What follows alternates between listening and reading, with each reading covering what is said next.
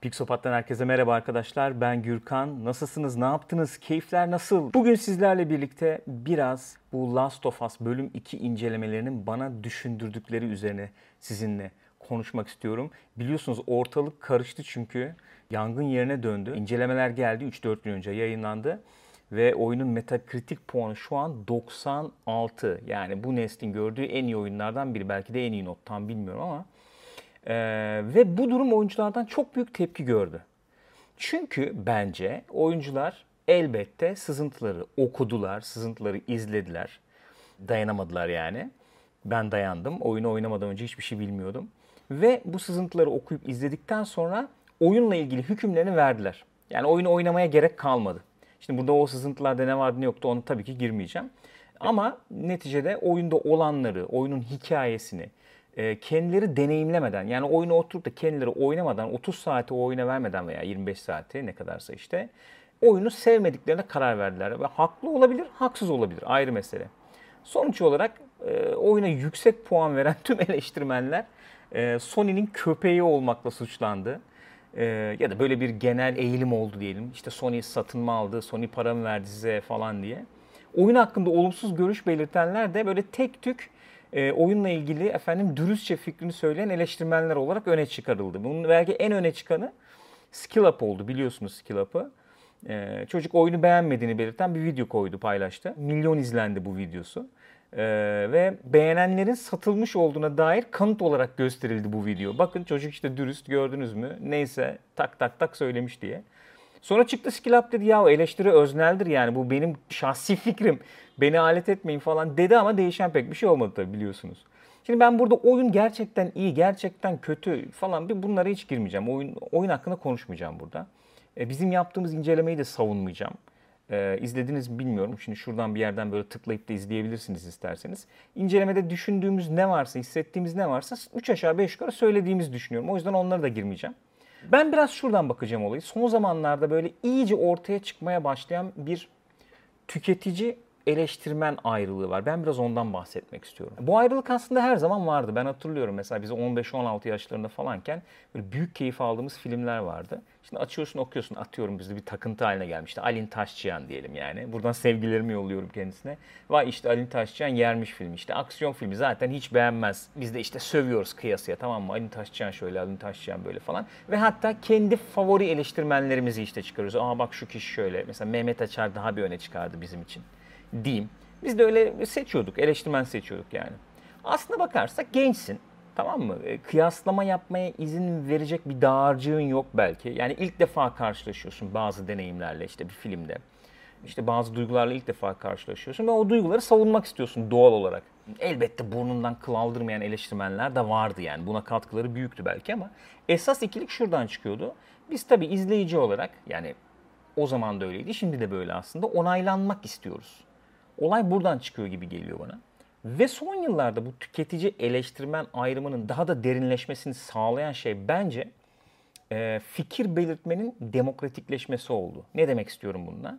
Şunu demek istiyorum artık her isteyen istediği platform üzerinden tükettikleriyle ilgili ne düşünüyorsa, ne hissediyorsa istediği görüşü rahatlıkla belirtebiliyor ve e, bunu milyonlara ulaştırabiliyor çok rahatlıkla. Ve doğal olarak da şöyle bir şey var. Sosyal medyanın özü, onay almak, ilgi çekmek diyoruz hep. E, bu devreye girince e, bayağı uçlara kayan böyle efendim içeriklerle karşılaşır olduk biz son zamanlarda. E, ve bu durum ortaya bir problem çıkardı bence. O da şu, hobicilerle eleştirmenleri birbirine karıştırır olduk. Şimdi ben ne demek istiyorum hobiciyle, eleştirmenle? Şimdi bence hobici, yani hobi olarak tükettiği şeylerle ilgilenen insan, o tükettiği ürün hakkında sevdim veya sevmedim demekle yetinen ya da yüzeysel olarak bu duygusunu haklı çıkarmaya çalışan bir, biri olarak tanımlanabilir belki. Eleştirmense e, ürünü oluşturan parçaları irdeleyebilen, efendim bu işi diğerleriyle kıyaslayabilen, öyle bir background'u olan yani arka planı olan veya işte bu işi meydana getiren parçaların işlemesi gerektiği gibi işleyip işlemediğini irdeleyebilen ve neticede yani böyle bir resim ortaya çıkarıp ya bu ürünü bak şu sevebilir, şu sevmeyebilir gibi fikir de verebilen bir kişi olmalı bence. Şimdi olay şu. Ben dedim ya hobicilerle eleştirmenler birbirine karıştı diye. E, bunun birkaç sebebi var bence. Mesela bir tanesi, birincisi hobiciler kendilerini eleştirmen sanmaya veya eleştirmen gibi pazarlamaya başladılar. Ve e, bu kişileri biz ana akımda çok sık görmeye başladık. Yani ne bileyim şimdi isim vermeyeyim de birçok oyun medyasında veya sinema işte eleştirmenisi, sinema işte önde gelen yayınlarında, sitelerde falan biz bu isimleri çok görmeye başladık. Aslında bakıyorsun, okuyorsun hobici o yani. Onu çok net görüyorsun. Şimdi bu sebeplerden ikincisi bence biz hobicileri eleştirmen yerine koymaya başladık. Mesela influencerlar diyelim. İşte bir belli bir kitleye ulaşmışlar bu insanlar elbette. Ve işte diyor ki mesela bok gibi, çöp işte ya da ne bileyim efsane diyor falan. Ve biz bu yorumları eleştiriymiş gibi kabul etmeye başladık.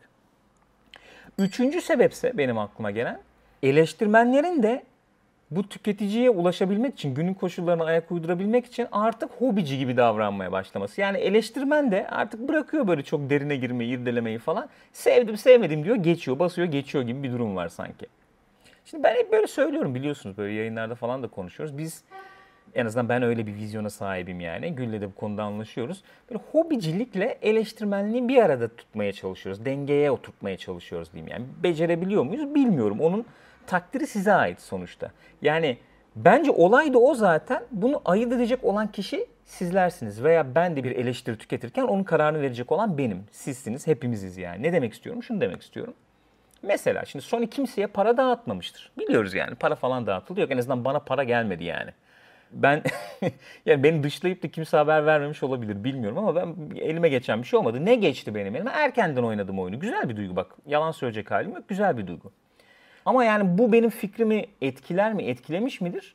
Şöyle etkilemiş olabilir. Kimseyle paylaşamamak aslına bakarsan yani oyunu oynarken kimseyle paylaşamamak daha duru bir fikir oluşmasına sebep olmuş olabilir. Bu açıdan etkilemiş olabilir. Ama kimseye para falan verildiği yok yani neticede bunu biliyoruz. Ha Sony'nin suyuna gidelim diyenler olmuş mudur? Muhakkak olmuştur. Bilemem yani. Bilmiyorum. Ya da hype'tan etkilenen olmamış mıdır? Muhakkak olmuştur. Ama kilit nokta bence şu. Sizin veya bizim hepimizin eleştirilerden beklentimiz işte göte göt deyin efendim mis gibi oyun boklamayın falan gibi uçlarda dolaştıkça bunlardan ibaret oldukça ve eleştiri sadece bizim düşüncelerimizi doğrulasın e, diye biz o eleştiriyi işte takip edersek, okursak, izlersek beğenmediğimiz tarzda içeriklerle çok daha fazla karşılaşmaya devam edeceğiz. Niye? Çünkü biz dürüstlük beklerken bizim bu duygularımızı sömürmek isteyen içerikler artacak. Böyle olduğunu da görüyoruz. Ve en kötüsü hiçbir içeriğe güvenemez hale geleceğiz ki zannediyorum olan da bu artık hiçbir şeye güvenmiyoruz. Hiçbir içeriğe güvenmiyoruz.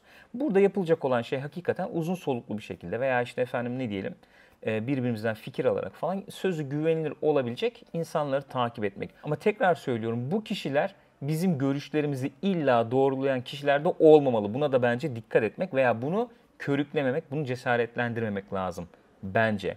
Mesela başta bahsettiğim skill up'a dönecek olursak bence hobiyle eleştiriyi bir araya getirebilen insanlardan bir tanesi.